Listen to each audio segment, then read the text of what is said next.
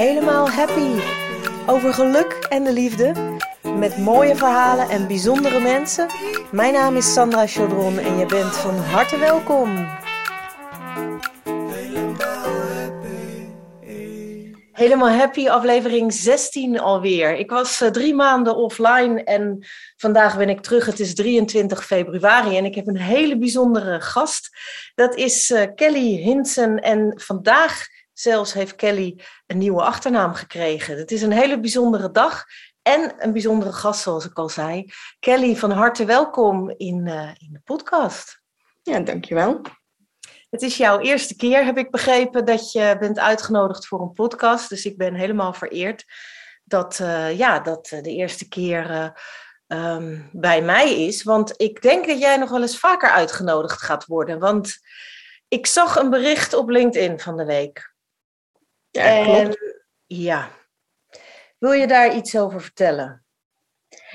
Um, ja, ik, uh, ik heb vorige week zondag heb ik een post op uh, LinkedIn geplaatst over, ja, eigenlijk over mijn leven. Um, ja, hoe dat eigenlijk gegaan is. En dat ik tegenslag na tegenslag heb gekregen. Um, mensen die niet in mij geloofden um, op school, op, op wat dan ook. En nou, ik heb toch allemaal dingen bereikt waarvan mensen zeiden dat ik dat niet zou, uh, zou kunnen.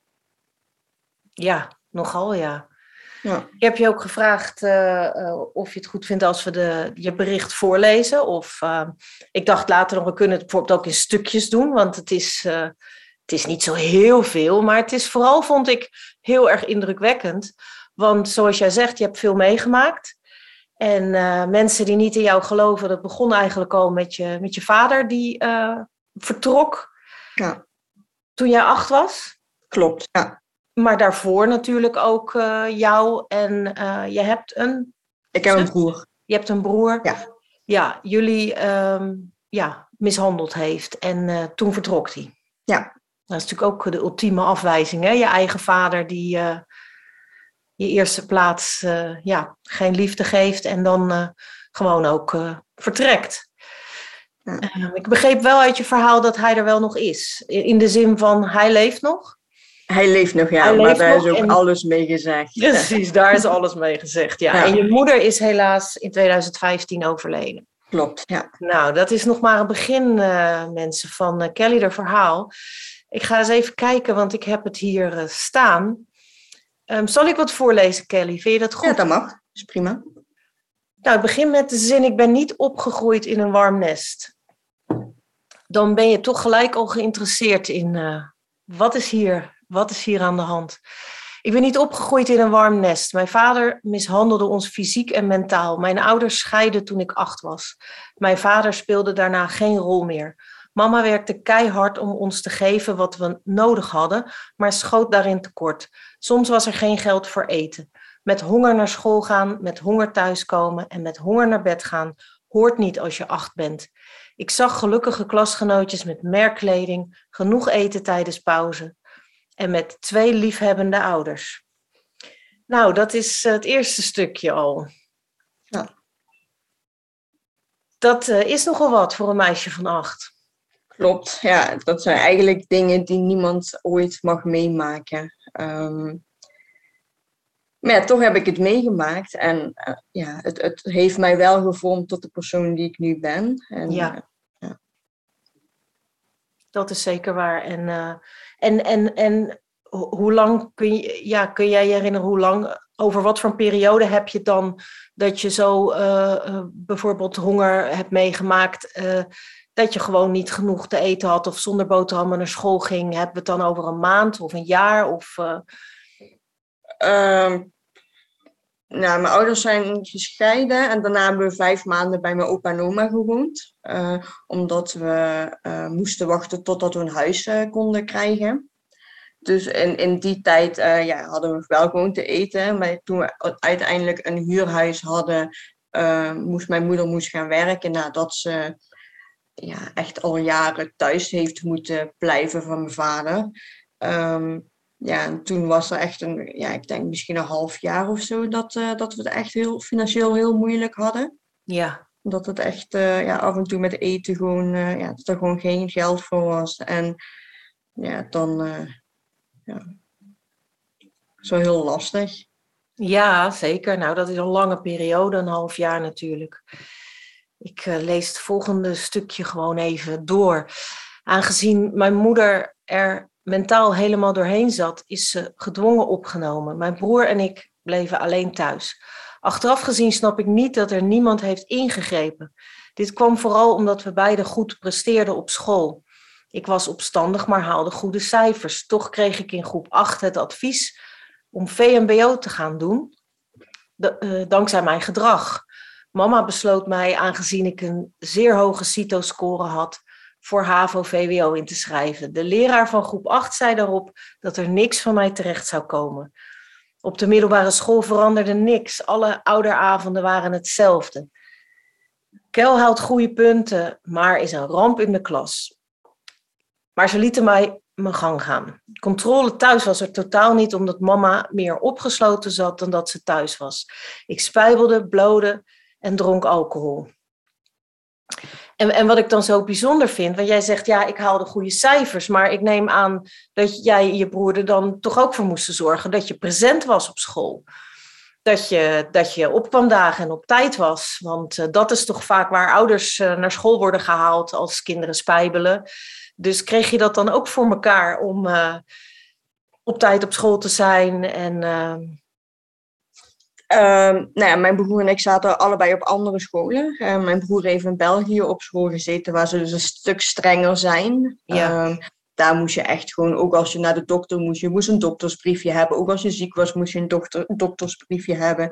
En bij mij op school hier in Nederland was dat gewoon totaal niet. Um, nou, ik, ik woonde in de, ik hoefde maar de straat uit te lopen en ik was op school en ik was iedere dag te laat. En nou, het, het, het maakte ze volgens mij allemaal niet uit. Het, het, niemand heeft daar ooit om, ja, ook als ik lessen miste, um, niemand heeft daar ooit echt om gevraagd van waarom ben je niet in de les. Nee, precies. Toch bijzonder is dat, hè? Ja. ja. Als je daar dan zelf op terugkijkt, dan denk je echt, hoe dan? Hoe, dat ja, niemand dat... Zo, ja. ja, ja. Want dat was, dat was ook op de basisschool al, of was dat echt de middelbare school? Um... Nee, dit was echt het, het spijbelen, was echt de, de middelbare school. De basisschool um, was gewoon echt, uh, was ik gewoon een heel vervelend kind. Ik luisterde niet. Ik werd ook wel vaker uitgestuurd op de basisschool, maar daar spijbelde ik nog niet. Dus dat is echt op de middelbare school. Dus ja, in de brugklas is het eigenlijk een beetje begonnen. Ja, ja, ja, dat is toch meestal wel hè? echt uh, van spijbelen op de basisschool. Dat is nog vaak nog niet zo uh, in beeld dan. Maar we hebben wel veel overeenkomsten ook. Misschien dat het daarom ook uh, raakt. En dat is zo mooi ook van wat jij ge gedaan hebt. Je hebt, um, want dat schreef je ook ergens, dat je um, overrompeld bent. Dat was een bericht wat jij later nog plaatste naar aanleiding van alle reacties die je gekregen hebt. Dat je dat je gewoon niet dacht dat, dat zoveel mensen daarop aan zouden gaan, op zo'n persoonlijk verhaal. Ja. Dat is zo bijzonder, want uh, ja, dat is juist het. Uh, um, kijk, we zijn allemaal mens. En we hebben allemaal onze mindere sterke kanten. En uh, ja, als je het zo kan noemen, fouten. We maken fouten. we gaan op ons bek, om het maar even plat te zeggen. Ja, en uh, uh, mijn ouders zijn ook gescheiden toen ik acht was. Ook dezelfde leeftijd dus. Ja, dezelfde leeftijd. Dus dan uh, weet ik nog zo hoe het was als je dan acht bent en dat gebeurt. Ik ging, ik ging heel stoer doen. Ik heb daar altijd heel stoer over gedaan als kind. Dat het echt het beste was en dat ik het helemaal begreep, vertelde ik dan op school en zo. En, en ja, je, je, je bent gewoon echt echt nog een klein meisje. Je bent gewoon een kind. En je hoort eigenlijk dat soort dingen helemaal niet mee te maken. Maar ja, ik heb gelukkig nog, uh, ik heb een hele liefdevolle vader. Dus ik kan me er niks bij voorstellen. Hoe dat moet zijn, uh, wat jij ja. hebt meegemaakt. Ik kan me ook niet, niet voorstellen dat je je eigen kinderen, um, ja, waar je toch uh, van hoort te houden, dat je die kunt mishandelen. En daarna ook gewoon nooit meer, um, ja, naar omkijkt, zeg maar. Of, of nooit iets voor betaalt. Of, of ja, ik, ik snap het ook niet. Nee. Nee, nou vandaag las ik ook nog je, in je bericht dat je vandaag dus het, uh, het goede nieuws hebt gekregen dat je je achternaam uh, gewijzigd is eigenlijk. Dat, ja. Je hebt daar akkoord voor gekregen. Maar blijkbaar moest jouw vader daar ook nog toestemming voor geven. Ja, hij kon bezwaar daartegen aantekenen, oh, ja. um, als, als hij het daar niet mee, mee eens was. En dan, uh, ja, dan zou ik daar weer bezwaar tegen aan moeten tekenen of zoiets. Um, maar um, ik weet ook niet of ze hem überhaupt gevonden hebben. want nou, hij heeft gewoon heel veel achterstallige alimentatie. En mijn moeder heeft er ook echt advocaten opgezet en deurwaarders. En nou, niemand kon hem ooit echt vinden. Of hij deed wel de deur open, maar deed zich voor als iemand anders. Dus ik, ik vraag me ook echt af of ze hebben ja, uit kunnen halen waar hij woont en hem ook echt um, ja, een brief hebben gestuurd dat ik mijn naam wilde veranderen. Of dat, ja, dat ze hem niet hebben kunnen vinden en nee. ja, er nooit een reactie op is gekomen. Nee, nee oké, dat is natuurlijk toch wel anders. Want als die het echt specifiek. Um ja, je, je weet in feite niet of, of hij ook echt uh, die brief gekregen heeft. Want er is een brief verstuurd van, goh, uh, u kunt bezwaar maken. En als die dan niet reageert, dan krijg jij akkoord. Nou, ja, ik, ben, uh, ik ben in ieder geval hartstikke blij voor je. En ik zag in ieder geval dat je vandaag op LinkedIn wel nog Kelly Hinsen heet. Klopt, ja, ja, dat moet ik nog veranderen. Um, ik weet niet of dat heel slim is om, om dat nou te doen. Omdat um, ja, door alles wat er nou gaande is... Um, en ik toch uh, ja, die post vorige week heb geplaatst onder Kelly Hinsen. En ja. Ik, ja, ik weet niet of mensen mij dan nog kunnen vinden, zeg maar. Dus ik, ik wil het nog even een, een week of twee zo laten. En dan, uh, ja, dan ga ik het wel veranderen. Ja, ja nou spannend. Ja. Vind je dat spannend? Nee, ja, ik ben vooral heel blij dat ik eindelijk de achternaam heb van een ouder die wel echt uh, ja, alles voor mij over heeft gehad, die wel van mij hield. Um, nou, die ja, onvoorwaardelijk van mij hield en gewoon alles voor me gedaan heeft. Ja, ja, en die je helaas uh, moet missen, want ja. uh, jouw moeder is er niet meer. Nee, klopt. Ik kijk nog heel even in het berichtje, want jij, je, je schreef dat je spijbelde, blode, je dronk alcohol. Het is wel heel bijzonder dat jij dan um, toch zo ver bent gekomen, want ja, een linkje naar mijn verhaal. Ik heb uh, tien jaar, um, voor wie dat, uh, ja, er zijn velen die dat niet weten van mij, mensen die mij kennen, maar ik heb tien jaar dagelijks gebloot. Ik heb ook in een koffieshop gewerkt. Um, ik, uh, ik dronk toen geen alcohol. Dat vond ik geen prettige combinatie. Al mijn vrienden ook, iedereen die blode, dat was. Nee, er, er zat geen alcohol bij. Maar um, Spijbelen heb ik niet veel gedaan, maar wat bij mij gebeurt is eigenlijk, is ik kreeg juist een hoger advies. Maar omdat er concentratieproblemen waren, ben ik op een lagere opleiding gezet. Dus ik had mhm. eigenlijk HAVO-VWO-advies, maar ben op uh, MAVO gezet. Um, waardoor ik me nogal ging vervelen. Ja, kan ik me en, voorstellen. Uh, ja, ik, uh, ik zelf heb dus, ik werk ook in, in kinderentertainment al, lange, al lange tijd. En ik gebruik het ook vaak als zin naar mijn klanten toe. als kinderen zich gaan vervelen, dan, dan worden ze vervelend. Dus ja, ik ben ook goed vervelend geweest. Ik zat iedere ochtend bij de corrector, want ik kwam iedere dag te laat. En ik heb wel vrij makkelijk mijn MAVO-diploma gehaald. Maar daarna ben ik niet verder gekomen. Maar jij bent heel veel verder gekomen. Ja, klopt. En um, dus daar wil ik eventjes uh, je stukje verder uh, over lezen. Je, je, je, schrijft, ik, ik spijbelde, ik blode, ik dronk alcohol. Het was een schreeuw om hulp, maar door mijn hoge cijfers schreep, greep niemand in. Na mijn eindexamen kreeg ik het advies een mbo-opleiding te doen, terwijl ik met goede cijfers slaagde voor mijn HAVO.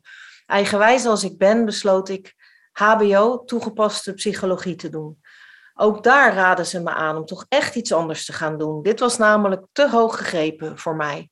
Maar gewoon in vier jaar mijn bachelor gehaald. Daarna besloten mij in te schrijven voor het schakeljaar om een universitaire master te volgen aan de Universiteit van Maastricht. Ook dit met gemak in één jaar tijd behaald. toen mocht ik aan de master mental health beginnen. En ook dit verliep prima. Alles in één keer voldoende afgerond en vol goede moed aan de laatste horde begonnen, de afstudeerscriptie. Twee weken eh, was ik ermee bezig toen ik, toen ik te nauwernood een auto-ongeluk overleefde. Ook dat nog. Ja. Ja, je bent frontaal tegen een boom geklapt. Twintig seconden nadat ik eruit gehaald ben, ontplofte de auto. Het resultaat: 40 tot 50 gebroken botten en artsen die zeiden dat ik nooit meer zou kunnen lopen zonder amputatie. 15 operaties later, anderhalf jaar uh, revalideren in Adelante en nog steeds twee keer per week fysiotherapie. Doe ik alles wat ik niet meer zou kunnen met beide benen intact. En dan is tijdens je revalidatie dus je moeder overleden, maar heb je ook je master afgerond in 2020.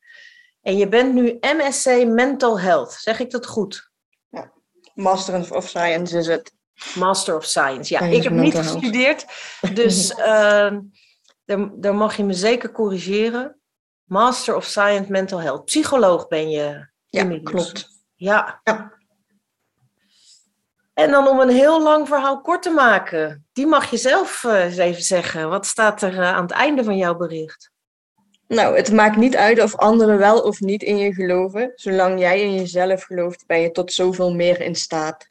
Ja, nou daar ben je wel echt uh, een voorbeeld van. Ja.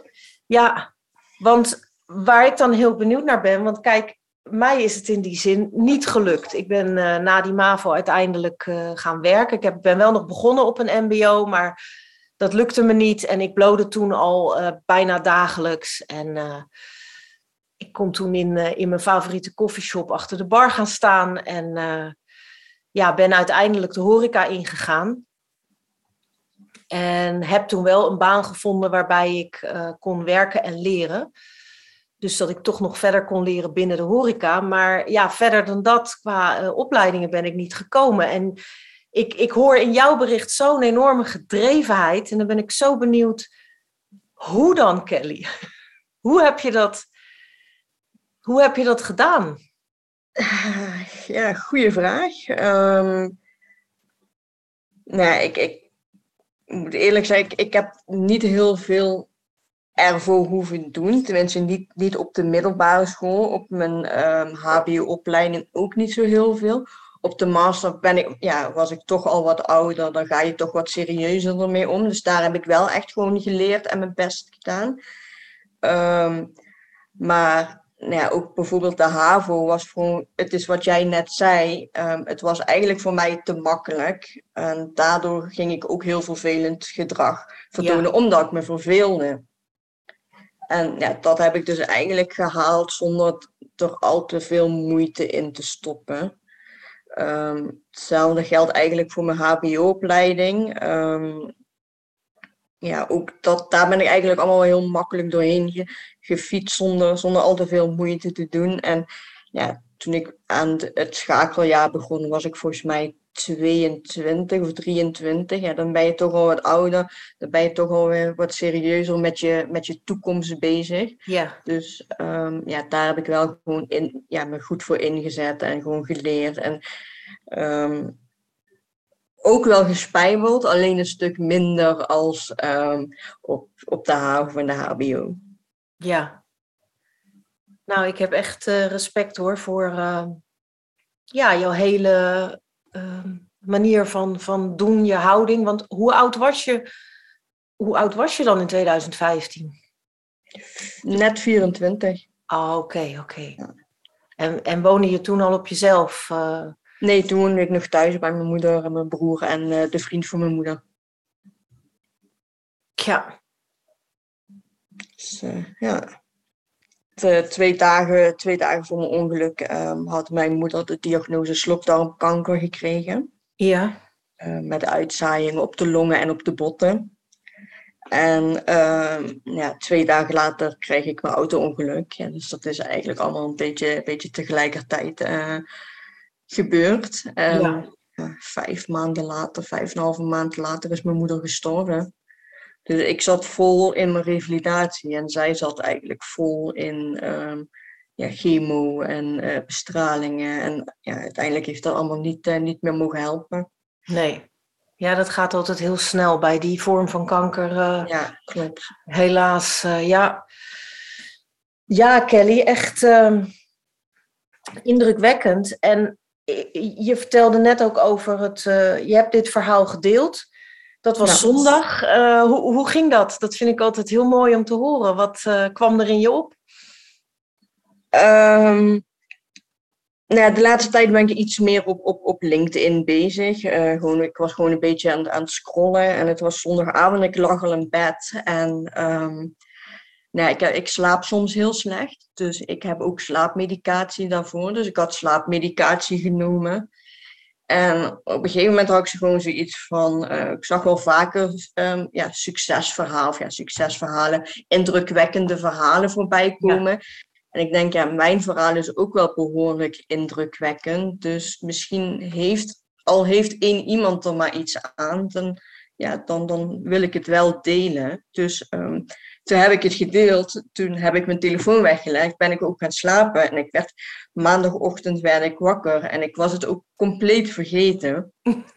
Dus ik open mijn, uh, mijn LinkedIn. En ik had zoveel berichten en, en meldingen. En ik dacht, wat is hier gebeurd? Ja. Dus uh, ja, toen, toen zag ik dus dat ik dat gepost had. En ja, gewoon heel veel positieve berichten daarop. Mooi hè? Ja. Ja,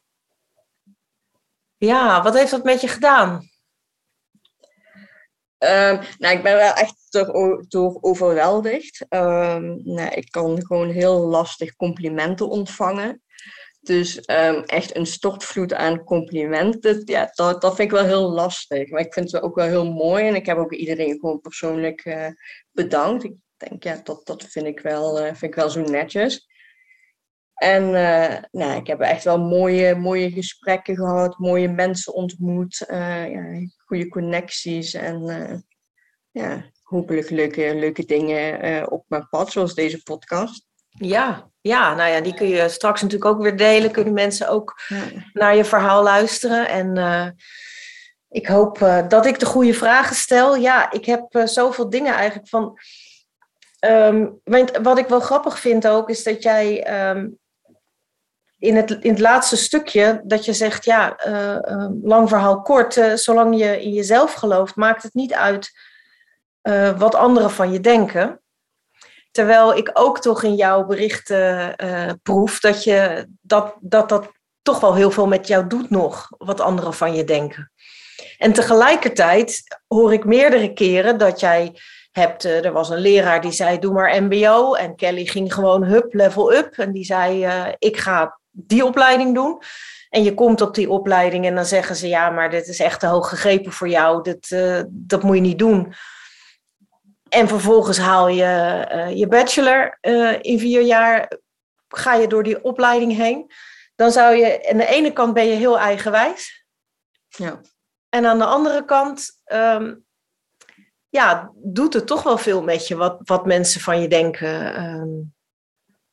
Ja, klopt. En uh, nou, ik denk dat het vooral ermee te maken heeft dat mijn vader uh, ja, vroeg vertrokken is. Um, ondanks wat, wat hij ons heeft aangedaan, had ik altijd zoiets van. Als ik maar gewoon mijn best doe op school of, of, of wat dan ook, of gewoon goede cijfers haal of, of mijn best doe in, in, in in de sport. Ik deed altijd paardrijden. Als ja. ik gewoon maar uh, wedstrijden win, um, dan vindt hij me wel leuk en dan komt hij terug. Dus ik heb eigenlijk wel altijd een soort bewijsdrang gehad. Um, ja, naar mijn vader, maar ook naar andere mensen die dus niet in mij geloven. Van, nou, ik, ik, ondanks wat jij zegt, kan ik het wel gewoon. En dat, ja, dat zal ik je wel even laten zien. Ja, een, een veel uh, gehoord uh, ja, verhaal eigenlijk. Hè? Dat je dan toch eigenlijk uh, als kind zo verlangt naar die liefde en goedkeuring van, van je vader.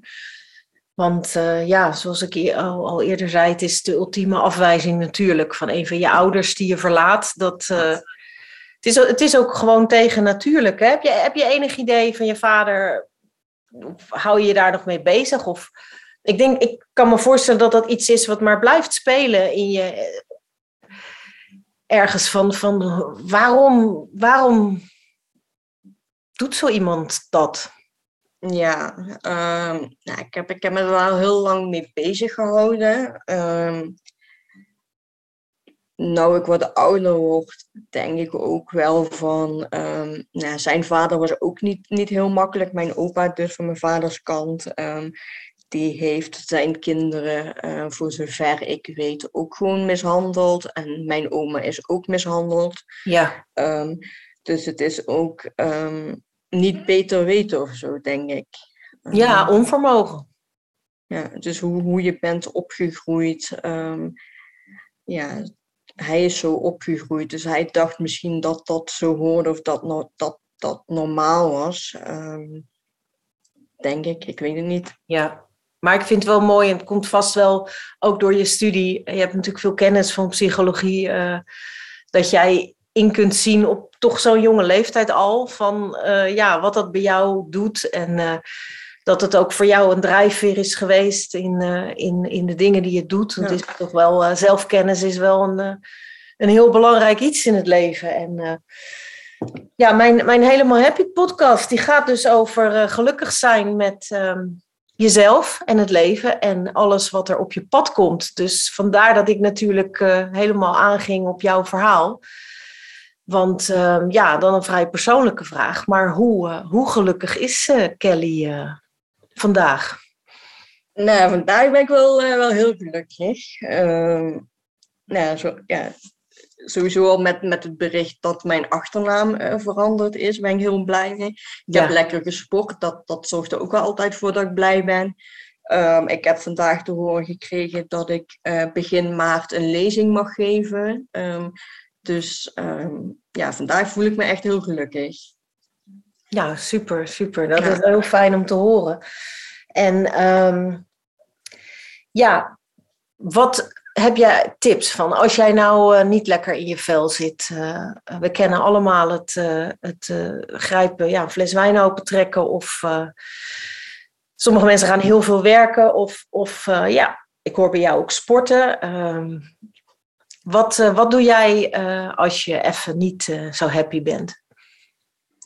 Um, nou ja, ik in het verleden heb ik um, ook echt de foute dingen gedaan om me beter te voelen, zoals alcoholverslaving, drugsverslaving. En dan heb ik het niet alleen over wiet, maar ook andere drugs. Um, ik heb ook heel veel gewerkt om mij gelukkiger te voelen en ja, dat, dat werkte allemaal niet. En nou sport ik gewoon heel veel, soms ook wel te veel. Um, nou, ik lees, ik mediteer. Um, ik heb een kat waar ik heel veel uh, ja, mee knuffel, die mij echt uh, ja, heel veel geluk bezorgt. Um, dus ik heb wel geleerd dat geluk gewoon in, in hele kleine dingen zit. Dat is mooi, ja. Ja, ja waardering, hè? waarderen van wat er wel is. Ja. Als je dat aandacht kunt geven en en daarom vind ik ook het mooi om te horen dat je ook mediteert. Um, veel mensen doen daar niet aan, omdat ze denken dat, het, dat je dan een half uur in een gekke houding op een kussentje uh, je gedachten helemaal stil moet uh, zien te krijgen. En ik doe vijf minuten meditaties. En soms gewoon bij wijze van spreken tijdens de was ophangen. En uh, ja. um, dat werkt voor mij. Maar het gaat erom dat je gewoon even een moment neemt om te verbinden met jezelf. En even checkt, van even inchecken, noem ik het ook wel eens. Even kijken, hoe is het vandaag met mij? Ja, klopt. Mooi, ja. Ja, en heel veel sporten is inderdaad ook een, uh, uh, het is een hele goede voor mensen die, uh, die verslavingsgevoelig zijn. Je kan daar ook weer in doorslaan, maar dan ben je in ieder geval toch nog, je bent fit. Ja, dat, dat, zeg ik ook altijd. Want um, ja, ik, ik heb nou een gezonde verslaving, noem ik het altijd. Ja. Um, nee, ik, ik moet daar ook wel voor uitkijken dat, het niet, uh, dat ik niet te veel ga sporten en mijn, niet te veel vraag voor mijn lichaam. Omdat ik ook echt met, met pijnklachten zit na mijn ongeluk, met, met verminderde energie. Ja. Um, dus ik, ik bij, ik heb daar de laatste tijd ook wel iets meer balans in gevonden. Ehm, maar ja, dat is ook nog voor mij steeds ehm, ja, leren. Leren balans vinden in, in dingen. Ja. Ja. Hey, en, en de psychologie, was jij daar al, al, al jong in geïnteresseerd? Of, of hoe, hoe ben je die richting uitgegaan? Um... nou, ik wou vroeger wou ik altijd dierenarts worden. Um, dus wou ik altijd dieren, dieren helpen. Um, dus dat, dat zorgelijk heeft wel altijd in mij gezeten. ja, op een gegeven moment toen ik ouder werd uh, op de middelbare school, ja, was ik ik was niet goed in de in biologie, natuurkunde, scheikunde, toch wel echt de vakken die je nodig hebt om, om dierenarts te worden. Um, ja, en toen ging ik verder kijken um, wat ik dan wel wou. En nou, dat, dat zorgen voor mensen, dat, uh, ja, dat zat er nog steeds in. En dan ben ik naar zo'n uh, ja, zo'n open dag geweest voor uh, middelbaar of vervolgopleidingen op ja, waar ze dan allemaal iets vertelden over verschillende vervolgopleidingen. En toen kwam ik bij de opleiding toegepaste psychologie uit. En die was toen nog vrij nieuw. Was volgens mij pas één jaar of twee jaar oud. En um, ja, dat, dat leek mij wel echt iets om um, ja, ook jongeren te helpen die um, ja, ook echt uit een uh, ja, moeilijke situatie komen, om, om die te helpen het, het leven iets mooier te maken. Ja. ja, hartstikke mooi. Dan kom je toch van het zorgzame. En uh, ja, ik denk als, als je van dieren houdt, dan uh, kun je ook van mensen houden. Wat was, iemand zei nog eens van ja, hoe meer mensen je ontmoet, hoe meer je van dieren gaat houden. Ja, klopt. ook wel een mooie uitspraak, maar dat is weer wat anders. Maar um, uh, ik heb ook ergens gelezen, want daar moet ik ineens aan denken, dat jij um, ook wel bang was of bang bent geweest, of in ieder geval dat spannend hebt gevonden om jouw verhaal te delen. Omdat je dan toch uh, dacht, misschien vinden mensen mij dan een minder goede psycholoog, psycholoog of vinden ze me gek. Terwijl ik juist denk, ik zou juist graag door jou geholpen willen worden, want jij hebt me een partij ervaring, Kelly. Ja. En um, kijk, ik merk ook nog steeds af en toe weer die, die verslavingsgevoeligheid, die zit er gewoon in. Maar ik heb het tegenwoordig ook vertaald naar, jij en ik zijn gewoon gedreven mensen. En wij denken en leren waarschijnlijk sneller dan de gemiddelde in een klas. Waardoor als, als wij daar zitten, ja, dan ga je je gewoon snel vervelen. En, ja. en ja, je, in jouw mind ben je al, al tien keer verder.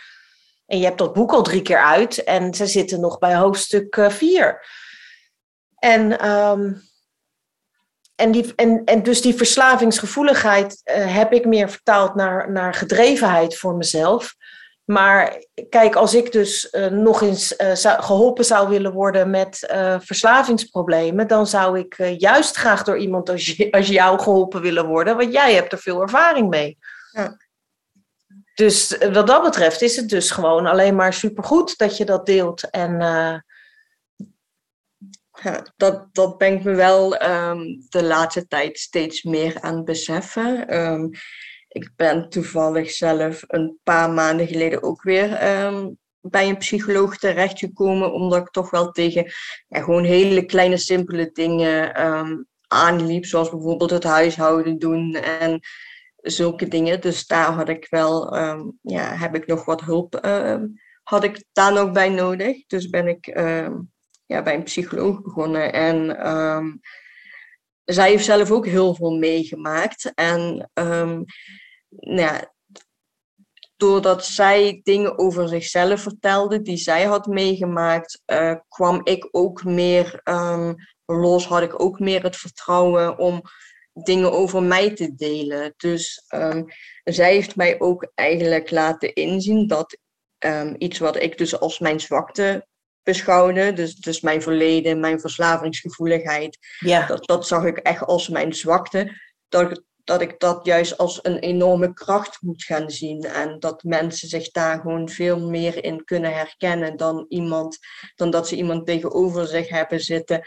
Waar bijvoorbeeld het ergste wat die heeft meegemaakt, dat de goudvis is overleden. dus ja. daar, daar kan iemand die heftige dingen heeft meegemaakt, kan zich daar totaal niet mee, ja, mee identificeren. En dat heb ik ook wel gemist in, in, in mijn verleden, zeg maar. Ik heb meerdere psychologen, of ja, meerdere trajecten, meerdere psychologen gezien. En niemand kon zich in, goed in mijn situatie verplaatsen. Dus durfde ik mij ook niet, of voelde ik mij ook niet veilig genoeg om dingen te delen. En is het allemaal maar heel erg op de oppervlakte gebleven. En nou, daar heb ik niks aan gehad. En nou, bij deze psycholoog uh, ja, voelde ik eindelijk het vertrouwen om dingen te delen. En heb ik echt in de afgelopen vijf, zes maanden heb ik echt enorme stappen gemaakt in, um, nou, in, in mijn leven. En, in, en ook dat ja, mijn zwakte juist zien als mijn enorme kracht. Ja. Dus bijvoorbeeld zes, zeven maanden geleden had ik die post op LinkedIn nooit gedeeld. Dat had ik nooit gedurfd. Nee. En nu heb je het, eh, heb je het gewoon gedaan, ja. En eh, nu hebben wij een mooi gesprek. En, uh, en wie weet, en ik vind het ook zo mooi, want ik ben die podcast begonnen eigenlijk omdat ik zelf hou ik van podcast luisteren. Ik, ik ben dan bijvoorbeeld, ik heb ook een webshop hè, met de ballonnen en zo. En dan ben ik pakketten aan, aan het maken. En dan vind ik heerlijk om dan een podcast aan te zetten. En dan ben ik gewoon, want dat werk hoef ik niet veel bij na te denken of huishoudelijk werken, of ik zit in de auto anderhalf uur. Dan, en dan heb ik, ik heb daar zoveel aan. Ja. En, ehm, en ik hou van kletsen, dus ik dacht, ja. Uh, uh, en ook omdat ik uh, toen ik ermee begon, en nog steeds, ik, ik kon echt zeggen, ik ben heel lang, en dan vooral met mezelf, maar ook met mijn leven, niet happy geweest. Echt heel lang. Ik, ik, ik zou niet kunnen zeggen wanneer dat al begon, maar ik weet dat ik als kind al dat noemde ik die rode draad. Zo van ergens in de basis voelde ik me een soort van altijd verdrietig. Of ja, ik noemde het rot. Ik voelde me rot gewoon of zo. En in de puberteit is dat een beetje overgegaan naar van ja, dan was het wel vaak leuk. En dan was ik blij en dan dacht ik, ja, wacht maar, weet je wel. Vanavond voel ik me weer kut. Ja, nou ja, ik zie Kelly, uh, lieve mensen. Jullie kunnen ons uh, alleen uh, horen, maar ik zie Kelly knikken. Het is herkenbaarheid hier. En vandaar ook weet ik nog dat ik uh, toen ik op mijn vijftiende een vriendje kreeg die, uh, die uh, ja, op het basketbalveldje een jointje zat te draaien. Toen dacht ik, hé, hey, interessant. En mijn ouders rookten, dus ik dacht, nou ja, dat kan ik ook wel eens proberen. En ja, daar kreeg ik wel heel veel rust van in mijn hoofd. En toen vond ik het allemaal wel prima. ja. ja, en dat heeft bij mij dan tien jaar geduurd. En ehm, maar ik heb heel veel geleerd, heel veel ervaren en uiteindelijk kon ik uh, ja, rond 2016, 17 zeggen van ik ben gewoon echt helemaal happy. En dat betekent niet dat ik altijd blij ben en dat betekent niet dat ik geen uh, rotdagen meer heb soms. Maar ik kan daar zoveel beter mee omgaan. Ik heb daar zoveel over geleerd en ik denk dat wil ik gewoon delen met mensen en net wat jij zei, want dat vond ik ook mooi, dat jij ook schreef van kijk, al, al heeft maar één iemand er iets aan. En er hebben al zoveel meer mensen iets aan dat jij dat bericht die zondagavond getypt hebt. Ja, ja. Zoveel meer dan één, Kelly. Ja, het is echt, het is echt enorm bizar hoe veel mensen het gelezen hebben, erop gereageerd hebben. ja, ik, echt wauw. Ja, maar het deed mij ook nog denken aan een boek wat altijd veel indruk op mij heeft gemaakt. Het is alweer lang geleden, ik moet het weer opnieuw gaan lezen. Van Brené Brown, uh, De kracht van kwetsbaarheid. Ja, die heb ik toevallig ook thuis liggen. Ja, ja, ja echt een aanrader uh, uh, van mij in ieder geval. Ik wil jou straks ook nog vragen of je nog, um, of je nog een tip hebt voor onze luisteraars. Um, maar Brené Brown, ja, de kracht van kwetsbaarheid gaat natuurlijk uh, uh, over wat uh, Brené ontdekte. Dat juist binnen de bedrijven waar je kwetsbaar opstellen welkom was. Of waarbij mensen zich veilig genoeg voelden om af en toe te delen van... joh, ik voel me onzeker over dit project. Of ik geloof dat ik dit niet in mijn eentje aan kan. Die, dat je om hulp kon vragen. Dat dat, dat, dat niet veroordeeld werd. Um, dat waren juist de teams die het heel erg goed deden. Ja. En waar heel erg het, uh, ja, keeping up appearances. Het, het, oh nee, je komt allemaal wel aan hoor. Terwijl je dat eigenlijk helemaal niet lukt. En, en, en dan maar ergens buiten je bedrijf proberen het op te lossen. Um, kost veel meer energie en heeft uiteindelijk veel minder positief resultaat dan wanneer je dus gewoon uh, in een meetingroom mag roepen van jongens, dit, dit, dit, dit, dit, lukt me helemaal niet. Of ik zie het helemaal niet zitten. Of, maar, um, en gewoon, ja, en daar komt ook de kracht van. Want dat is, dan ben je heel erg kwetsbaar in 100% jezelf zijn. Ja. Alles erop en eraan. Klopt, ja. En uh, dat moet je echt durven. En uh, ja, dat heb jij dus gedaan. Heb, heb je ook nog een moment spijt gehad van uh, dat je dit geschreven hebt? Of? Um, ja, ja. Nee, ik ben, ben sinds kort, um, na mijn ongeluk heb ik 6,5 jaar thuis gezeten. Zo. Um, dus ik ben sinds december ben ik een werkervaringsstage aan het doen bij Box Change. Daar geven ze uh, boxtherapie aan jongeren met, uh, met mhm. trauma, mm -hmm. uh, emotie, regulatieproblemen en zo. En dat is echt super leuk om te doen. Alleen, ja, mijn, mijn paas, zeg maar, die um, is een jonge, jonge jongen, dus, ik denk ook mijn leeftijd, um, die heb ik ook op LinkedIn. En hij had dat ook gelezen. En daar had ik even niet bij stilgestaan dat, dat mijn collega's dat, uh, dat ook zouden, zouden lezen. Dus toen ik daarover nadacht van, oh ja, dat zijn echt mensen die ik ken die het gaan lezen. Ja. Dat, um, ja, dat, dat vond ik wel heel spannend. En daar had ik zoiets van, had ik het wel moeten delen? Oké, en, en uh, wil je iets zeggen over welke reacties je dan? Heb je reacties van hun gekregen? Of? Um, ja, um, nou afgelopen vrijdag heb ik samengezeten met, uh, met mijn baas. En ik uh, kreeg vrijdag een training in, in de methodiek en het, uh, ja, hoe, hoe zij te werk gaan, zodat ik binnenkort zelfstandig behandelingen kan uitvoeren.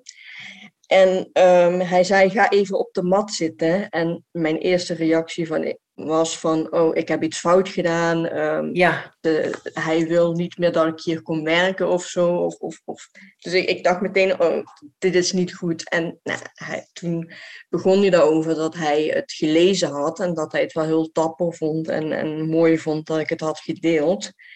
En of ik het ook met de rest van het team wou delen als we samen zitten. Dus um, ik zeg, ja, ik wil, ik wil er echt wel iets over delen. Want het is, ja, het is wel een, het is gewoon een deel van mij. En het heeft mij gevormd tot, tot wie ik ben. Ja. En als mensen dat stukje weten van mij, dan begrijpen ze mij ook beter. Um, dus ja, dat uh, moet ik komende vrijdag moet ik dat uh, met de rest van het team gaan delen. Um, ja, dat vind ik wel heel spannend.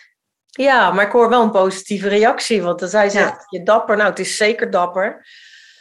En uh, dapper en moedig. En uh, dus jij dacht, ik moet gaan zitten van nou, nou, uh, nou krijg ik... Nou, ja, ik, mijn, mijn gedachten schieten bij, bij zulke dingen van... Ook als iemand zegt, oh, we moeten praten, is meteen, ik word afgewezen. Ja, maar dat ik is denk ik...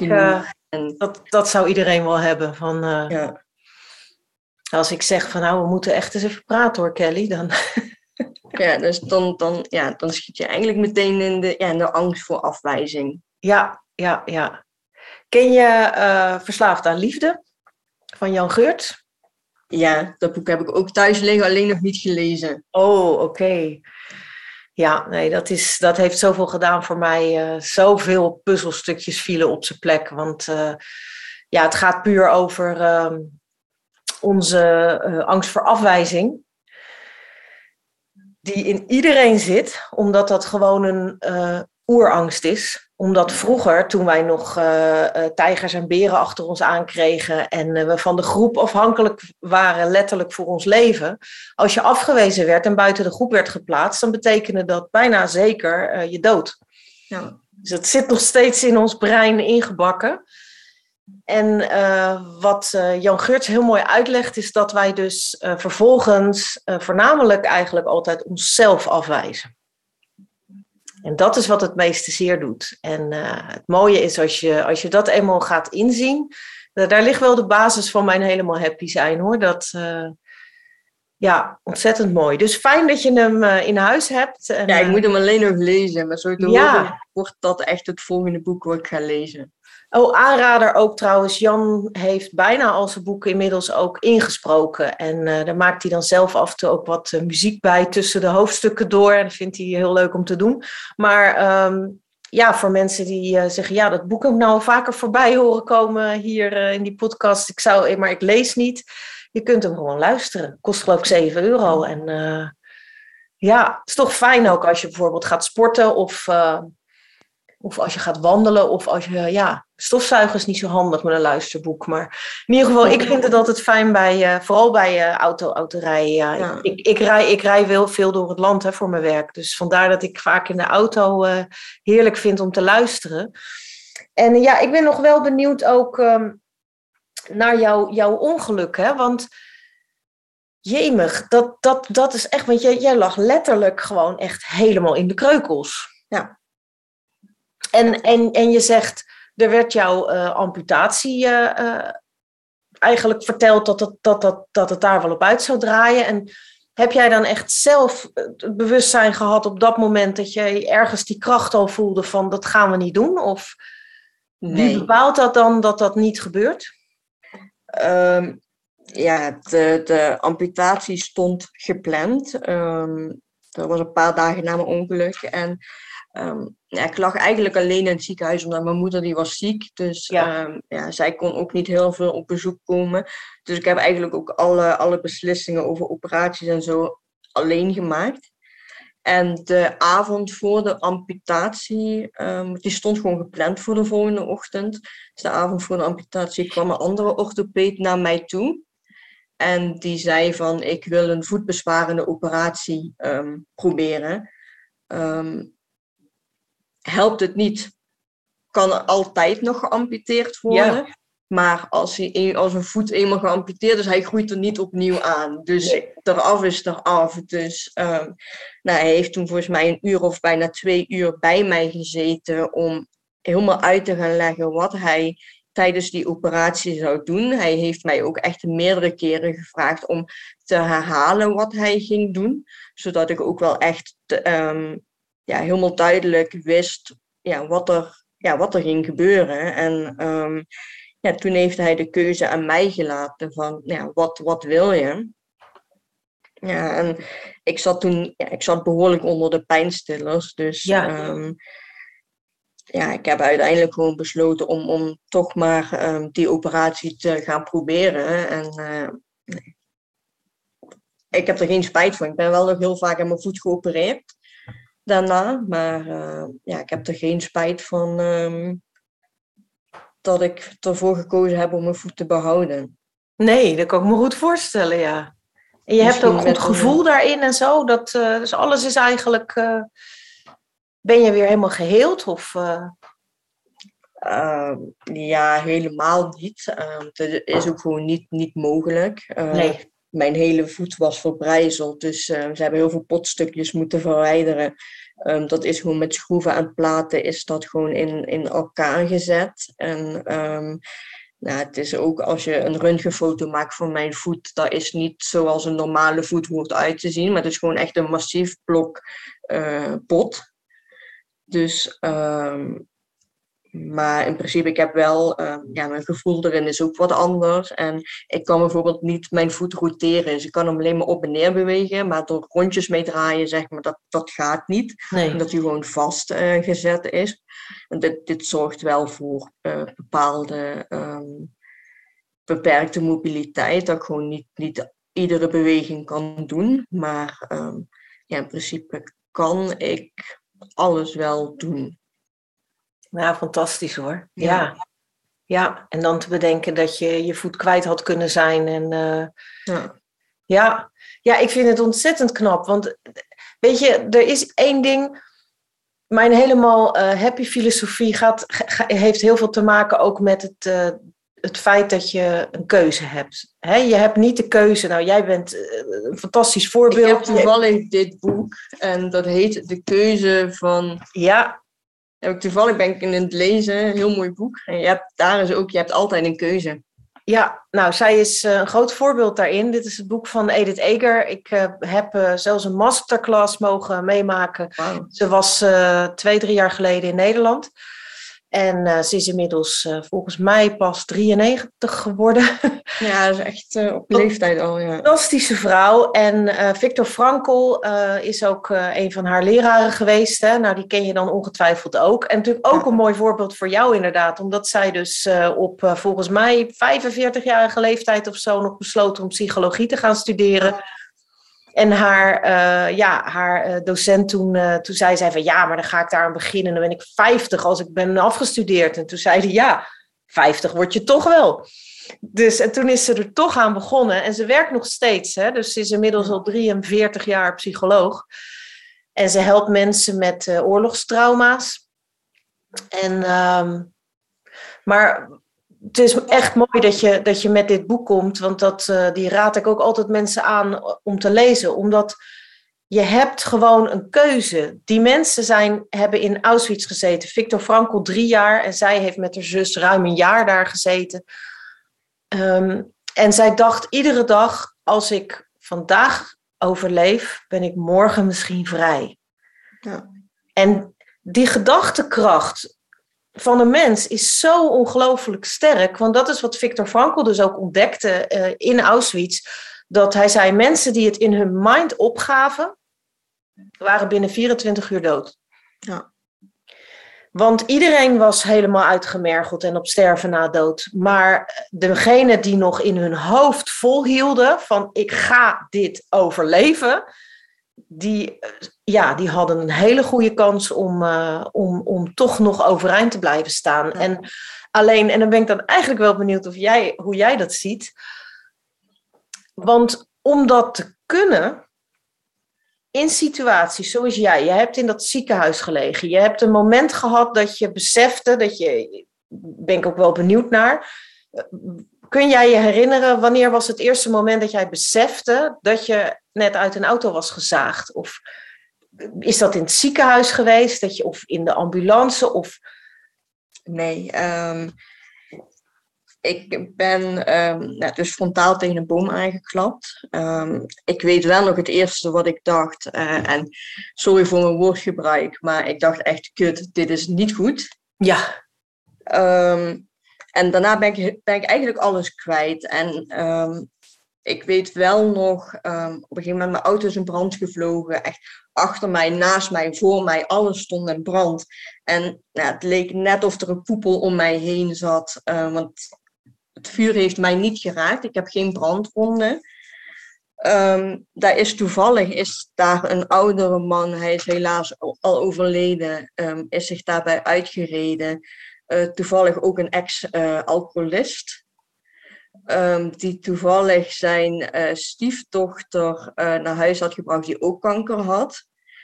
Ja. die is ondertussen ook overleden, volgens mij. Dus echt allemaal ja, toevalligheden. Toeval bestaat ja, niet. Toeval gelijkenissen um, in, in, in het verhaal die is zich daar dus bij uitgereden. Die had zoiets van, nou, ik vertrouw het niet. Want dadelijk is iemand met zijn dronken kop tegen die boom aangereden en is weggerend. En dadelijk kom ik bij die auto en hij ontploft. En, uh, ja. Maar hij had toch het gevoel dat, dat daar iets niet klopte. En toen is hij uitgestapt en toen hoorde hij mij om hulp roepen. Uh, ja, toen heeft hij geprobeerd die auto open te maken, maar de deur zat helemaal bekneld. Uh, ja 112 gebeld en zo ondertussen. Uh, hij moest van die vrouw van 112 moest hij aan de lijn blijven voor uh, ja, dingen uit te leggen of zo. En um, hij zegt, ja, dat gaat niet. Dat meisje moet uit die auto, want dit, dit gaat zo meteen mis. Ja, dan moet hij die telefoon vasthouden. Dat gaat niet. Ja, hij heeft opgehangen, hij heeft zijn voeten tegen de deur aangezet. Hij heeft de deur open gekregen, waarschijnlijk door, ook door alle adrenaline. En, ja. Um, ja, heeft die deur open gekregen. Um, ik was gewoon bij bewustzijn. Dus ik kon een beetje meehelpen. Ik kon een beetje leunen en uh, in zijn armen uh, hangen. Toen wou hij mij eruit trekken en toen uh, zat mijn voet zat bekneld onder het pedaal. Dus um, daar heeft hij heel hard aan moeten trekken voor die los te, los te krijgen. En ja. um, nou, hij heeft me een paar meter verder gesleept. En 20 seconden ja, daarna is eigenlijk de auto ontploft. Ja. En daarna kwamen pas de ambulance, politie, brandweer en zo kwamen daarna pas aan. Ik ben al die tijd ben ik bij bewustzijn geweest. Ik heb gezegd wie ik was. Ik heb gezegd waar ik woonde. Ik heb gezegd dat mijn moeder. Ik bleef maar herhalen dat mijn moeder ziek was. Ja. Uh, maar daar weet, ik, daar weet ik gewoon allemaal niks meer van. Dus mijn, mijn hersenen hebben gewoon bij, bij zulk trauma, gaan jouw hersenen gaan jou beschermen om ja, die herinnering beschermen, zodat je, ja, dat, je dat, ja, niet, uh, niet dat trauma echt uh, meemaakt of zo. En het eerste wat ik mij kan herinneren is dat ik in het ziekenhuis ehm, ben en dat mijn moeder en mijn broer die zijn in het ziekenhuis aangekomen. En ik, um, is vlak voordat ik geopereerd word. En ik bleef me herhalen dat mijn moeder goed op zichzelf moest letten, dat ze goed moest blijven eten. En um, ja, dat, dat bleef ik maar constant herhalen. En, ja, want jij kon niet meer voor de zorgen. Ja. Toen ben ik weggerold, ben ik geopereerd. En ik werd um, midden in de nacht werd ik wakker. En um, ik weet nog dat ik de dekens optilde om te kijken of mijn benen er nog zaten. Nou, die zaten, daar zaten dus uh, externe fixaties zaten daar omheen. Die uh, hebben, hadden ze dus tijdens de operatie geplaatst. En het eerste was, wat ik dacht was, oh ja, fijn, mijn benen zitten er nog aan. Ja, dat, dat was het eigenlijk. Uh, ja. Nou, dan ben je wel heel veel bij bewustzijn geweest en zo. En ja, je brein schijnt inderdaad dan in de survival stand te gaan en je voelt geen pijn, heb ik ook wel eens gehoord. En uh, alles gaat eigenlijk uh, ja, op een ander bewustzijnslevel. Ja. Heel bijzonder. En, um, maar waarom ik bij dit stukje kwam, was dat ik het enige waar ik over mijn helemaal happy filosofie nog niet helemaal over uit ben, is of het echt voor iedereen geldt. Want het heeft ook toch wel te maken met karakter. Er zit dus wel iets in Kelly. En je, zei, je gaf al aan, het heeft wel te maken met dat je vader jullie verlaten heeft. En ook daarvoor ook natuurlijk uh, uh, mishandeld heeft. Uh, die ultieme afwijzing als kind um, heeft dit wel in jou zo sterk gemaakt natuurlijk. Die, die ja. drang om om goedkeuring te krijgen en te laten zien dat Kelly echt wel uh, het waard is om van gehouden te worden. En, dus daar zit natuurlijk ook wel weer iets in. Maar denk jij dat het voor iedereen is weggelegd, is eigenlijk mijn vraag. Zit het in ieder mens om, om die keuze te kunnen maken? Of, of hebben sommige mensen gewoon de kracht daar niet voor of het karakter er niet voor? Ja, dat, dat vind ik wel een lastige. Ik denk wel, um, als je iets heel graag wilt en je, je moet er wel hard voor werken, want je krijgt het allemaal niet, niet voor niks, dan, dan kun je wel heel ver komen. En nou, dat, dat harde werken en door blijven zetten, dat zit inderdaad niet in, in iedereen's karakter. Um, dus ja, de, de, de, ene persoon komt met, met hard werken veel verder dan, dan iemand anders. Um, ja, ik, het is dan die gedrevenheid, hè? Ja, ik denk dat dat wel heel belangrijk is. En dat heeft, denk ik, niet iedereen. Um... Nee, want um, ik volg ook Paul Smit, dat is die filosoof en uh, cabaretier. Maar hij, hij heeft ook een boekje geschreven. Uh, ja, ik heb er meerdere, maar bijvoorbeeld uh, Verlichting voor luie mensen is een leuk boekje. Het zijn hele kleine boekjes, dus maar uh, hij, ergens schrijft hij ook over, want hij is ook uh, veel met ja, het verstand bezig, met neurowetenschap. Daar weet hij heel veel van en ik vind het altijd heel erg interessant. Maar um, hoe het werkt in ons brein, dat je dus, ja, um, mensen veranderen alleen maar vanuit passie of pure noodzaak. Ja. Dus als jij, uh, want ze hebben pas een nieuw boekje uitgebracht, dat heet Morgen stop ik echt. Dat uh, gaat over, uh, ja, eigenlijk over verslavingsgedrag ook. Het, de basis is wel stoppen met drinken, met alcohol. Maar um, je kunt het natuurlijk toepassen op uh, meerdere soorten van verslaving. Dat je, we kennen het allemaal, je hebt bepaald gedrag en dat wil je eigenlijk doorbreken. Of je wil heel graag gaan sporten, maar ja, dat komt er maar niet van. En dan heb je steeds dat rotgevoel van ik wil het echt, maar ja, ik doe het niet. En dan voel je je toch een beetje slappeling of uh, een beetje mislukt en zo. En dat, uh, dat krijg je dan ook maar niet weg. En uh, dus dat stukje over dat je, dat je, je moet er echt een, een, een uh, ja, of het moet een noodzaak zijn. En zoals veel mensen die dan te horen krijgen, ja, je bent longkanker aan het ontwikkelen. En een arts is jou dat aan het vertellen, dan ben je in één keer gestopt met roken. Terwijl je dat tot tien jaar lukt dat je niet. Ja.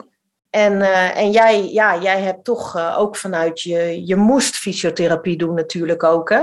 Want, Ja. want hoe ben je dan zo goed uh, fanatiek aan het sporten gekomen? Hoe heb je die, of deed je dat ook al? Um, ja, ik, ik, ik sportte wel. Ik deed altijd hardlopen voor mijn ongeluk. Um. Ik was aan het trainen voor een, voor een marathon. Um, dus um, sport is wel echt altijd een beetje mijn, mijn uitlaatklep geweest. Vroeger was het paardrijden, later was het, was het hardlopen. Um, nou ja, en toen uh, heb, ben ik in een revalidatiecentrum gekomen. Daar moest je dan. Uh, nou, eerst heb ik daar gewoon drie keer heb ik intern gezeten, waar je ook daar slaapt. En ik heb dat dan, daarna heb ik extern gezeten, waar je drie keer in de week daar uh, naartoe gaat om, om fysio Ja. te doen. Um, maar als, als jij daar met krukken de deur uitloopt, zijn zij blij, hebben zij hun werk gedaan. En um, ik had zoiets van, ja, ik, ik kan nog helemaal niks. Ik, ik loop met krukken. Ik kan niet zonder krukken lopen. Ik heb enorm veel pijn. Dus toen heb ik gevraagd of ik nog een verwijzing kon krijgen voor een fysio hier in de buurt.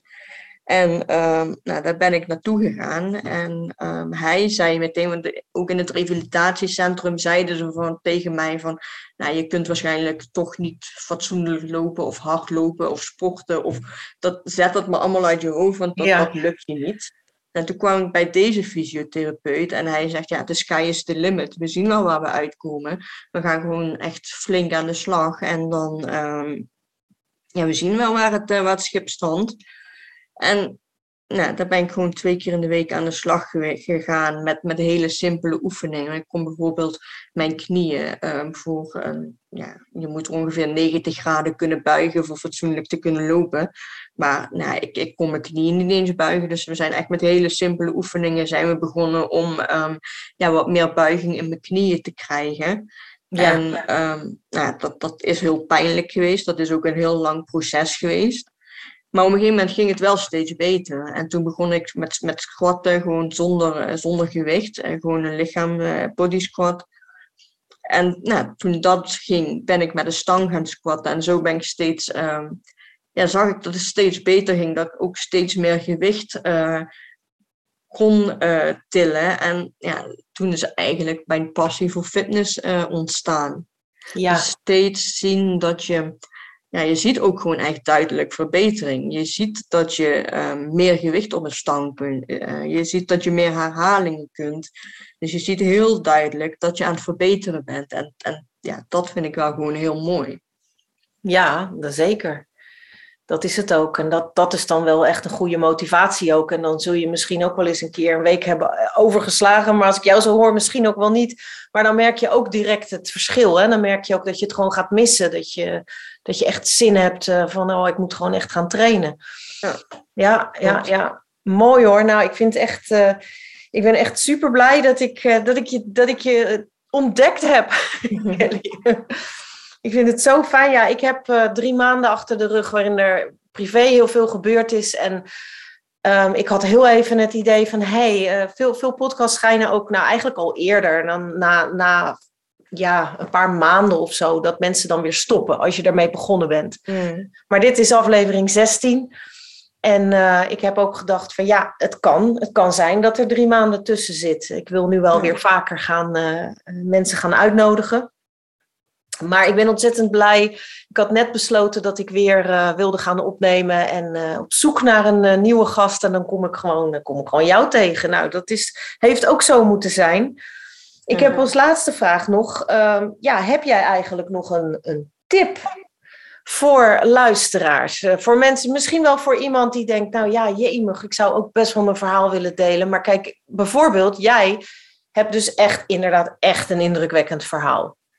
En ik zou dan al denken van ja, mijn ouders zijn gescheiden, maar ja, mijn vader is wel gebleven en die was lief. En kijk, ik heb ook heel veel meegemaakt, maar niet weer in vergelijking. Je moet eigenlijk nooit vergelijken. Nee, dat zeg ik ook altijd. Met jou, uh, maar het gaat erom, het is jouw verhaal.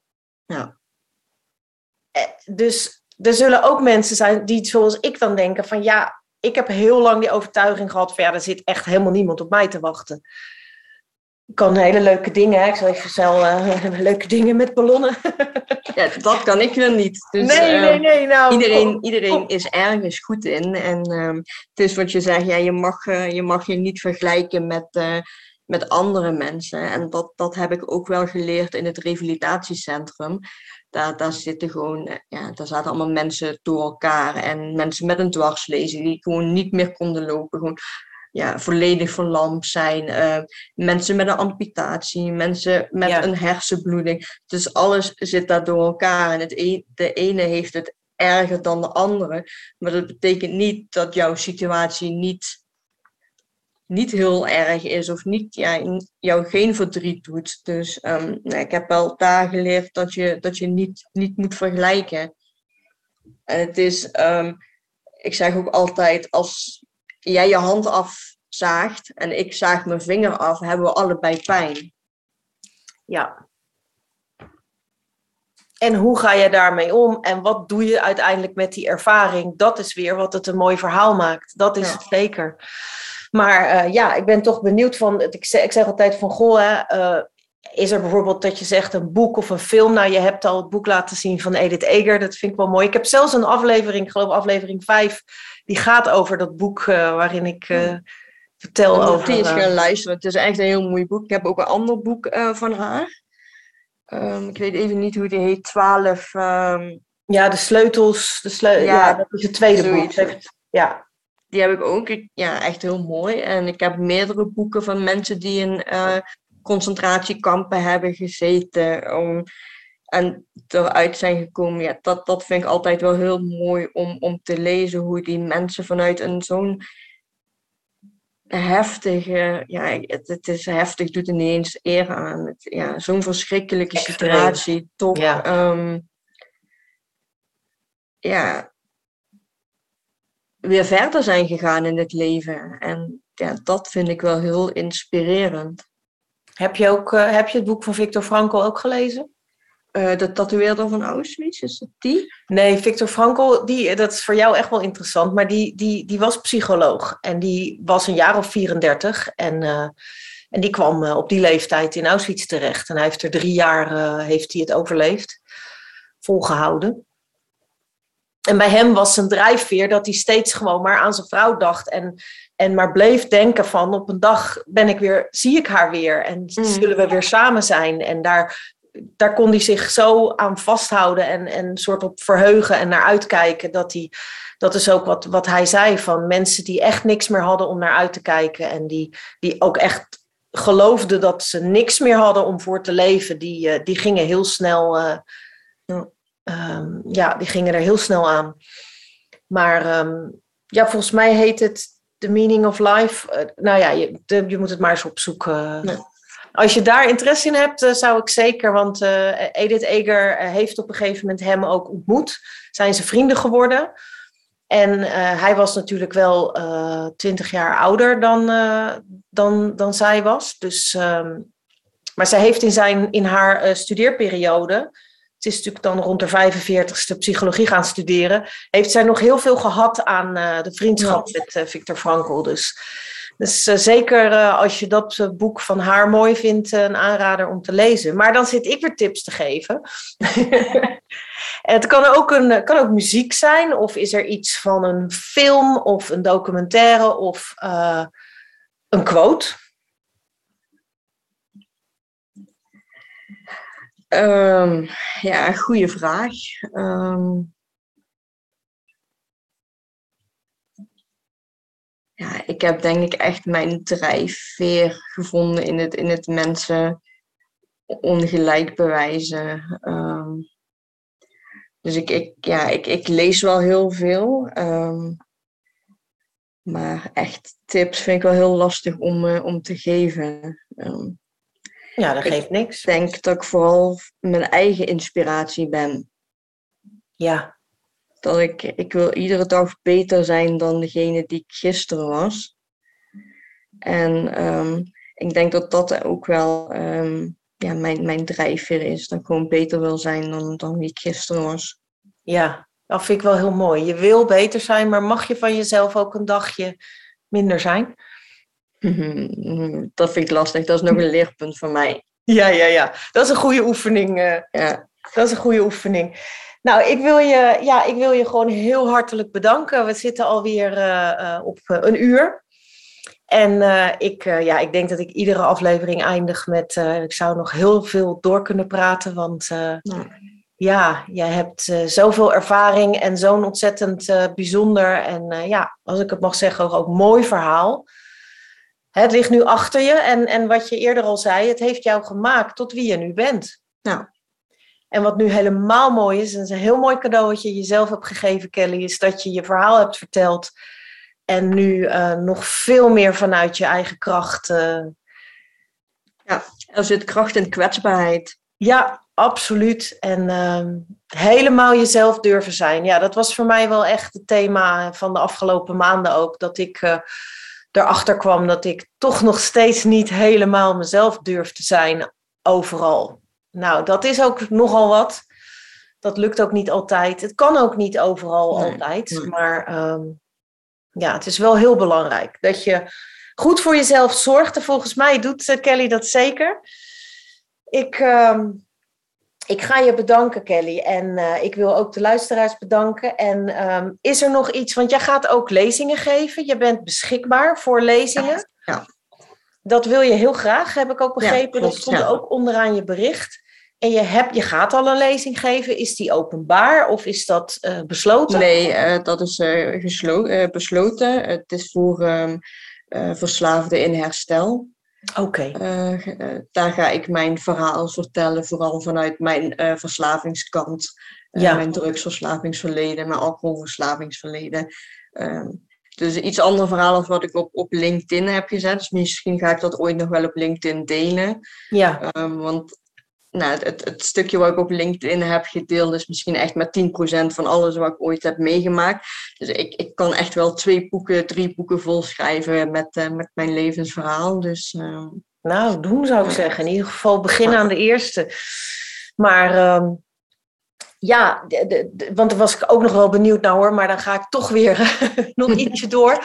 Want ehm, ja, ik heb een paar keer ook gehoord over toch het, het, eh, ja, die, die kwetsbaarheid en het eh, je verhaal delen. Ook bang voor de oordelen van mensen. Dat ze je gek of een minder goede psycholoog zouden vinden als ze jouw verhalen zouden horen. Ehm, en toch eh, ga je ook eh, voor publiek staan en je verhaal vertellen. En dat is echt heel krachtig. Want dat, weet je dat dat eh, een van de grootste angsten is onder mensen. Spreken voor publiek. Hè, ja, ik vind het ook doodeng. Maar Ja. ehm, ja, het, is, het is wat ik al eerder zei. Als gewoon één iemand daar in die groep iets aan mijn verhaal heeft, ja, dan doe ik het gewoon. En dan, ehm, ja, dan is het maar eng, dan is het maar spannend. Maar ja, het, gewoon de gedachte dat één iemand er iets aan heeft, dat zorgt al ja, dat ik het gewoon doe, dat ik het gewoon durf. ja. Nou, dat is echt geweldig. Ja. En, en heb je daar ook nog, eh, hoe heb je je daarop voorbereid? Of heb je gewoon gedacht, ik ga het gewoon doen en ik vertel een verhaal? Of heb je ook echt een, een lezing eh, uitgeschreven of eh, een training gedaan? Of... Nee, nee. eh, nou, ik heb, eh, het is eigenlijk gisteren heb ik het pas besproken met eh, mijn psycholoog. Ja, Zij werkt eh, daar.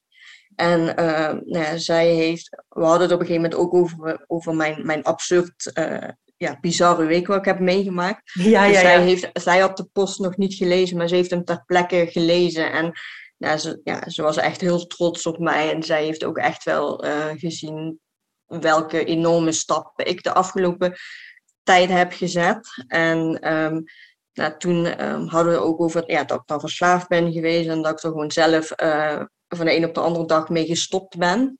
En toen vroeg zij of ik dan voor die groep ehm, ja, mijn verhaal wilde doen als ervaringsdeskundige. ja. En eh, nou, vanochtend belden ze mij en hebben we de datum vast, eh, vastgezet. Nou, gefeliciteerd. Ja, dankjewel. Supergoed, supergoed. Zo zie je maar, hè? Je, je, je zet een intentie en ehm, je denkt, dat zou ik willen.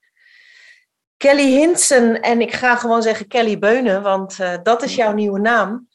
Maar mensen kunnen jou dus vinden via LinkedIn, hè? want volgens mij is er geen website. Of nee, wel? Nee, nee. nee. Geeft niks. We kunnen jou vinden via LinkedIn. Dus nu nog Kelly Hinsen met een Z. Ja.